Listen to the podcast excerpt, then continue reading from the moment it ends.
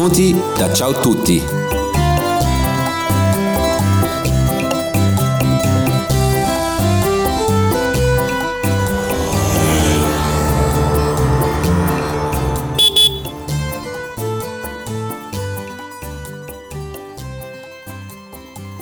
Welkom bij Ciao Tutti's kerstpodcast.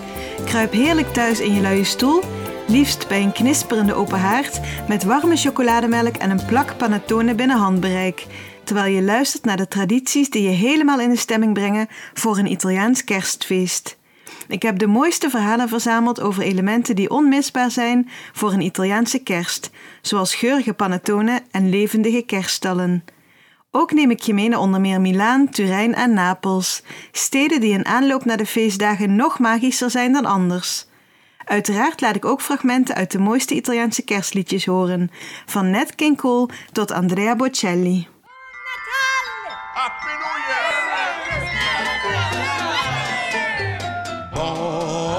Natale means Merry Christmas to you.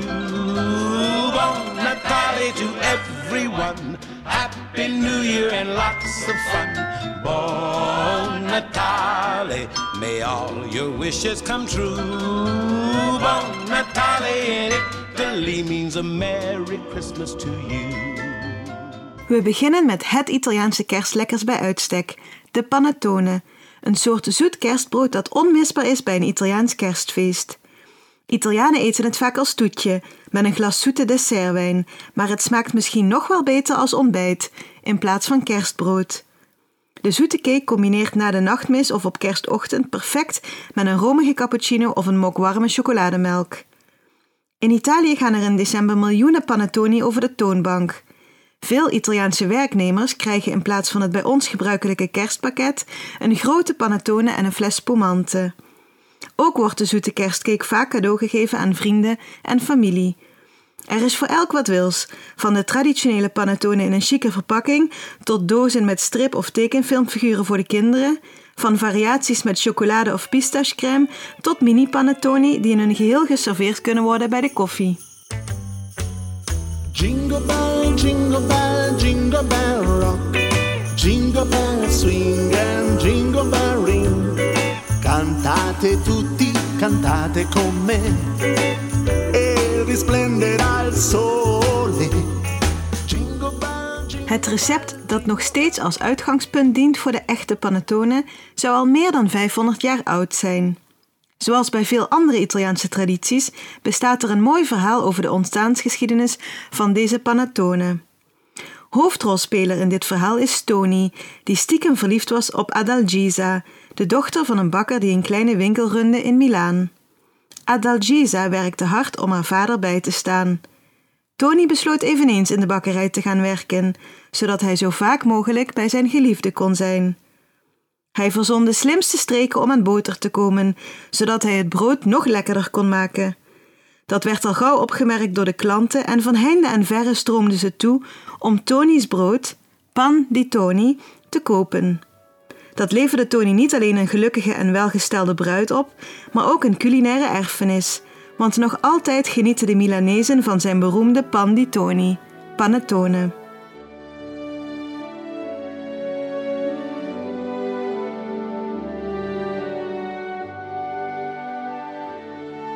Volgens anderen zou de panettone zijn naam te danken hebben aan hertog Ludovico il Moro, die het lang geleden in Milaan voor het zeggen had. Hij zou het brood, toen hij voor het eerst een exemplaar in handen had, panettone hebben genoemd. Groot brood. Wellicht is deze versie logischer, maar ik houd toch meer van het romantische verhaal van Tony. Non è solo questione.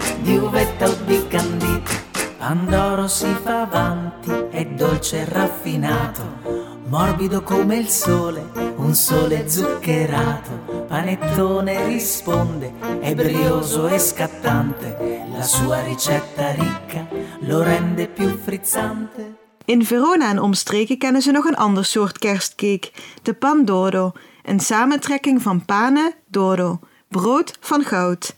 Dit kerstbrood werd eerst namelijk vooral geserveerd door welgestelde families die zich zo'n stervormig zoet brood konden veroorloven. Wil je zo'n Pandoro leuk serveren? Snijd hem dan in plakken die prachtige sterren vormen en stapel deze plakken dan op elkaar met tussen twee plakken steeds een laag zoete mascarpone granaatappelpitjes en chocoladedruppels.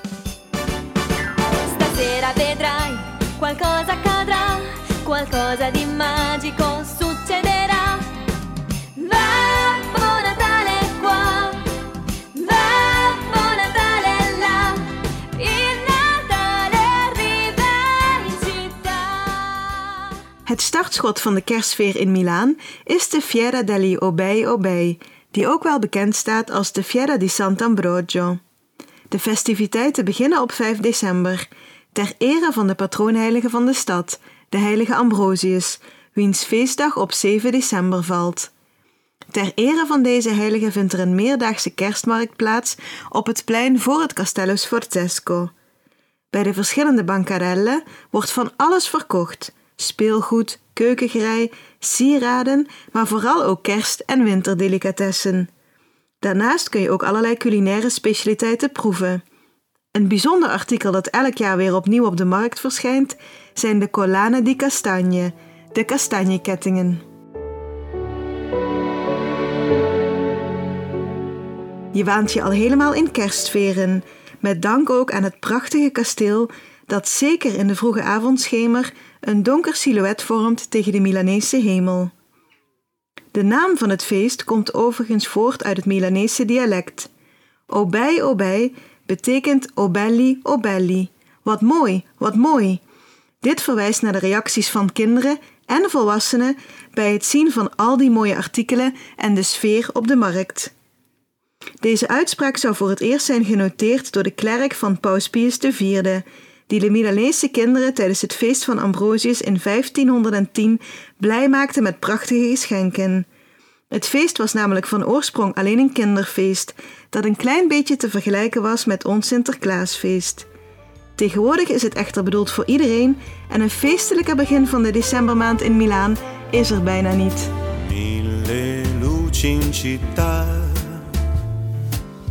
la neve e volti mi sfiorano.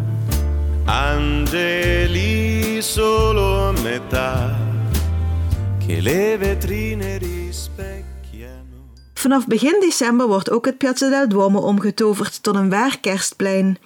In de aan het plein gelegen Galleria Vittorio Emanuele II vind je een grote kerstboom, vaak versierd door Swarovski en chic versierde etalages. Voor een portie geluk zo aan het einde van het jaar moet je even een dansje maken op het mozaïek van de stier. Wanneer je met je hiel drie keer over de ballen van de stier draait, met de klok mee, brengt dat geluk.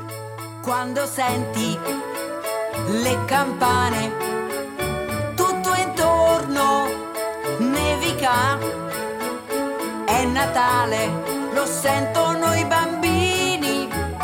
Merry Christmas, everyone. Turijn is misschien niet de meest voor de hand liggende kerstbestemming. Maar de stad is in december betoverend mooi en biedt naast de talloze elegante pleinen, historische cafés en prachtige portici ook veel sfeervolle kerstelementen. Zo wordt op het Piazza Castello elk jaar op een unieke manier afgeteld naar het kerstfeest, met een levensgrote adventkalender. Elke dag gaat er een deurtje open, een schouwspel dat je tijdens je verblijf in Turijn zeker een keer mee moet maken. Verscholen in de kelder van de Santissima Annunziata vind je een van de mooiste en grootste kerststallen van Italië. Meer dan 200 beelden geven een bijna levensechte voorstelling van de geboorte van Jezus. Dit sfeervolle schouwspel is een creatie van Signor Canonica, een filmregisseur uit het begin van de 20e eeuw. In de winter worden de straten en pleinen van Turijn ook nog eens gekleurd door tal van kunstige lichtinstallaties. Tijdens Luci d'Artista brengt een aantal kunstenaars lichtkunstwerken naar de stad, die van begin november tot half januari Turijn nog even kleurrijker maken dan anders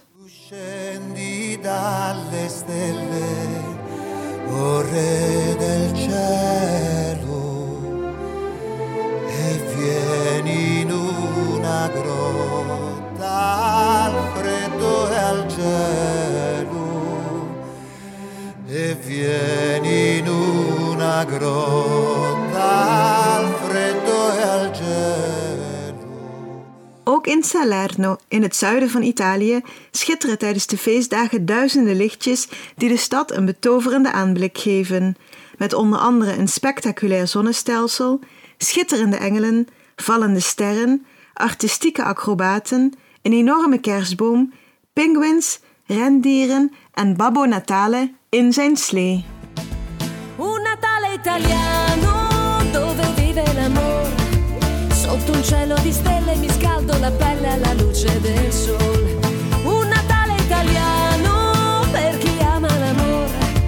Per chi vive sognando l'estate d'inverno alla luce del sole.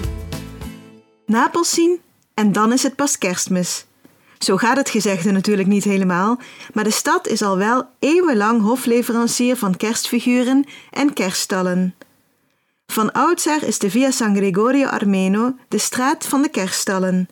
Hier maken talloze ambachtslieden dagelijks de mooiste en meest bijzondere figuren voor in de kerststal, van uiterst modern tot heel traditioneel. Hier is het 365 dagen per jaar kerstmis. Het hele jaar door kun je bij de kraampjes en achtergelegen winkeltjes terecht voor werkelijk alles dat bij de kerststal hoort. Van de behuizing tot de figuurtjes in alle soorten en maten, van de aankleding, inclusief konijnenhokken, pizzaovens en spinnenwielen, tot allerlei elektrische apparaten die van het geheel een zelfstandig functionerend dorp moeten maken. Daarnaast leven de Napolitanen zich elk jaar opnieuw uit om bekende personen een plek te geven in de kerststal. Je ziet dan ook honderden versies van Maradona, Obama, Trump, de paus, Berlusconi, Renzi, Kate en William en andere beroemdheden tussen de herders en koningen instaan. Ook de lokale komiek Toto mag niet ontbreken. Struin tussen de traditionele kerststalbewoners en geniet van die bijzondere verzamelingen.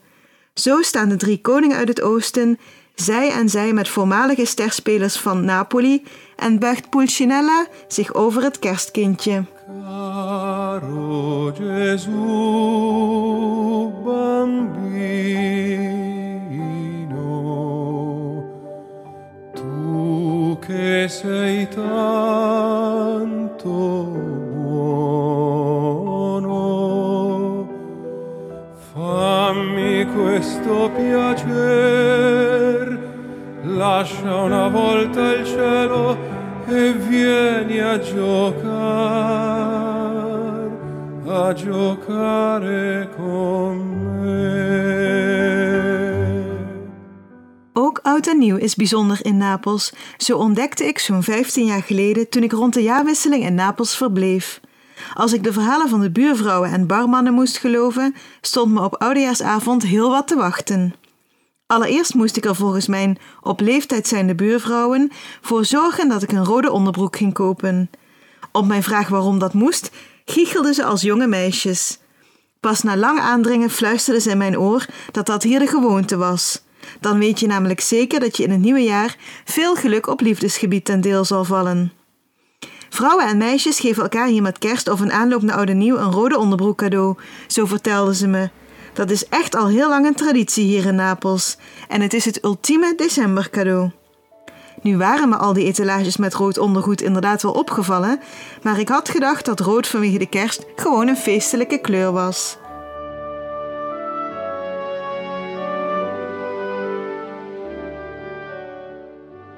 Rode lingerie was echter niet het enige advies dat de Napolitaanse buurvrouw me gaf. Voor ik de deur uitliep, waarschuwde ze me voor vallende wasmachines, met name in de Quartieri Spagnoli. Daar hoorde ik de barman ook al over, dat het in deze dagen levensgevaarlijk zou zijn om s'avonds laat door de stad te wandelen, en al helemaal op oudejaarsavond. Niet vanwege eventuele berovingen, maar vanwege gevaar van boven. Wat blijkt? Sommige Napolitanen gooien zo vlak voor het begin van het nieuwe jaar al hun oude, niet functionerende apparaten gewoon uit het raam. Zo kunnen ze opgeruimd aan een nieuw jaar beginnen. Als ze tenminste niet de pech hebben onder een raam door te lopen waar een stadsgenoot een kapotte televisie of vaatwasser door naar buiten duwt. Gelukkig gaat het dumpen van oude apparaten volgens de barman gepaard met veel geschreeuw en gezang. Zijn advies is dan ook snel opzij te springen als er ineens een vrolijk lied wordt aangegeven, vergezeld door aanmoedigende klanken van de buren. Dan is er namelijk geheid een wasmachine of een computer in aantocht.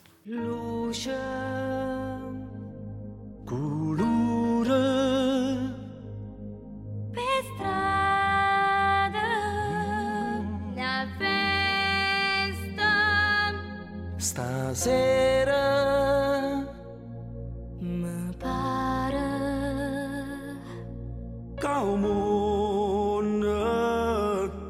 diverso. De kerststal wordt op oudjaarsdag nog niet uit het raam gekieperd of opgeruimd. Die blijft in elk geval staan tot drie koningen op 6 januari. Wist je eigenlijk dat de oorsprong van de kerststal in Italië ligt? De traditie van het opzetten van een kerststal komt uit het dorpje Greccio, enkele kilometers buiten Assisi, in de regio Umbrië. Dankzij Tommaso da Celano, die het evenement beschreef, weten we precies hoe die eerste kerststal eruit heeft gezien. In 1223 kreeg Franciscus van Assisi van de paus toestemming om tijdens de kerstnacht buiten in de natuur de mis te vieren. De eerste Franciscaner monniken hadden in het dorpje Greccio een hermitage, een klein klooster. Vlakbij dat klooster ligt een grot die Franciscus deed denken aan de geboortegrot in Bethlehem, die hij zelf in het Heilige Land had bezocht. In die grot maakte hij een kerststal, een ware replica van de stal in Bethlehem, met een echte voederbak als kribbe voor Jezus en levende figuren, zelfs met een echte ezel en een os. Dit alles om het kerstverhaal zo realistisch mogelijk uit te beelden.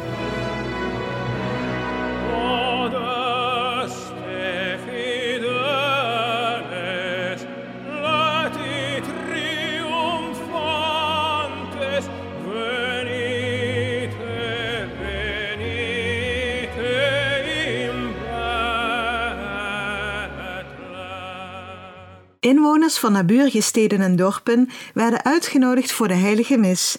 Die werd opgedragen voor de kribbe. Tijdens de mis predikte Franciscus over de nederigheid en armoede van Jezus, nam hij een slapend kind uit de kribbe en wekte het. Al vanaf de vijfde eeuw werden kerstspelen opgevoerd om mensen tot het christendom te bekeren of om het kerstverhaal over te dragen aan gelovigen die niet konden lezen. Maar nu werd voor het eerst een kerstspel opgevoerd tijdens de mis, met toestemming van de paus. Onbedoeld startte Franciscus zo een traditie, die al snel veel navolging kreeg. Niet alleen met levende mensen en dieren, maar ook met kleine groepen figuren van hout of gips. Vanaf het eind van de 18e eeuw, toen kerstmis ook een familiefeest werd, is de kerststal ook in de huiskamer te vinden. Maar de eerste kerststal blijft die van Franciscus, die prachtig gedetailleerd is weergegeven op een fresco van Giotto in de San Francesco te Assisi. Deze schildering zou de basis worden van alle latere kerststallen. Op een ander fresco schilderde Giotto ook het bezoek van de drie wijzen uit het oosten, die officieel pas na het nieuwjaar bij de kerststal mogen staan.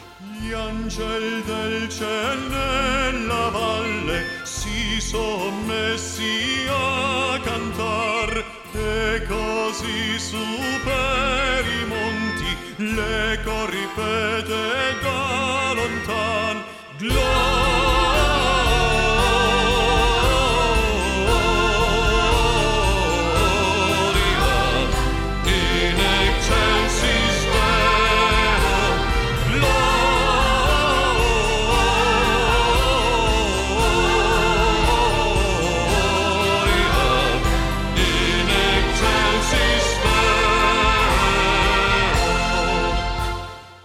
De grootste kerststal ter wereld staat in Italië, om precies te zijn in Manarola, een van de dorpjes van de Cinque Terre. Elk jaar schitteren hier vanaf 8 december maar liefst 300 figuren, ontworpen en gebouwd door Mario Andreoli.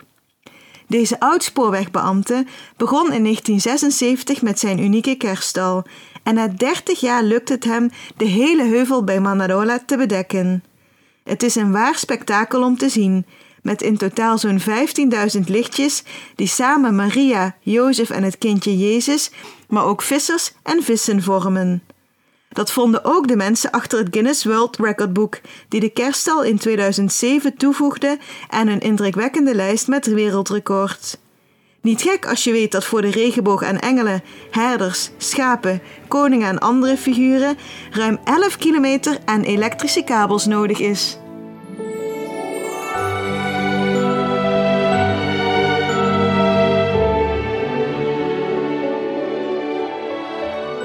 Ook de grootste kerstboom ter wereld staat in Italië, in Gubbio, een prachtig stadje in Umbrië. Van de voet tot aan de ster bovenaan meet deze boom, die zich nestelt tegen de Monte Ingino, maar liefst 700 meter. Van een echte boom is eigenlijk geen sprake, en van staan overigens ook niet, want het gaat om lange kabels waar gekleurde lichtjes aan hangen, waardoor zodra het donker wordt de illusie wordt gecreëerd dat er een gigantische kerstboom staat.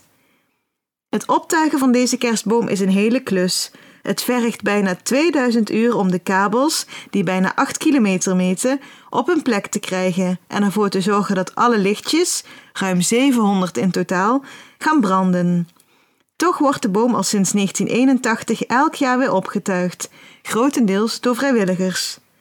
In 1991 kreeg deze letterlijk schitterende kerstboom van het Guinness Book of World Records het predicaat de grootste kerstboom ter wereld. Iets wat de inwoners van het Umbrische stadje nog elk jaar met trots vervult. Sono qui, tutto solo, e così mi consolo. Fantasmagoria di tenera follia nel paese bianco di magia. Italië heeft ook prachtige kerstmarkten, waarvan je de mooiste in het noorden vindt. Vooral de Mercati di Natale van Bolzano, Brunico, Merano en Vipiteno zijn zeer sfeervol. De houten stalletjes vol kerstdecoraties en winterse lekkernijen brengen je gegarandeerd in decemberstemming. Met een dampend glas vin brûlé in de hand geniet je van een betoverende sfeer en kun je uitgebreid neuzen tussen de huisgemaakte producten. In Bressanone kun je na een bezoek aan de kerstmarkt een kijkje nemen in het Kerststallenmuseum, terwijl je in Trento een prachtig lichtspektakel bewondert op de belangrijkste gebouwen van de stad. Op ciaotutti.nl tip ik nog veel meer kerstmarkten in Italië, met als grote gemene deler heel veel moois en heel veel lekkers in kerstsfeer. Ook in het zuiden is steeds meer kerstsfeer te vinden. Zo wordt het dorpje Loco Rotondo in Puglia altijd helemaal versierd met dennennaalden, rode strikken en kerstballen.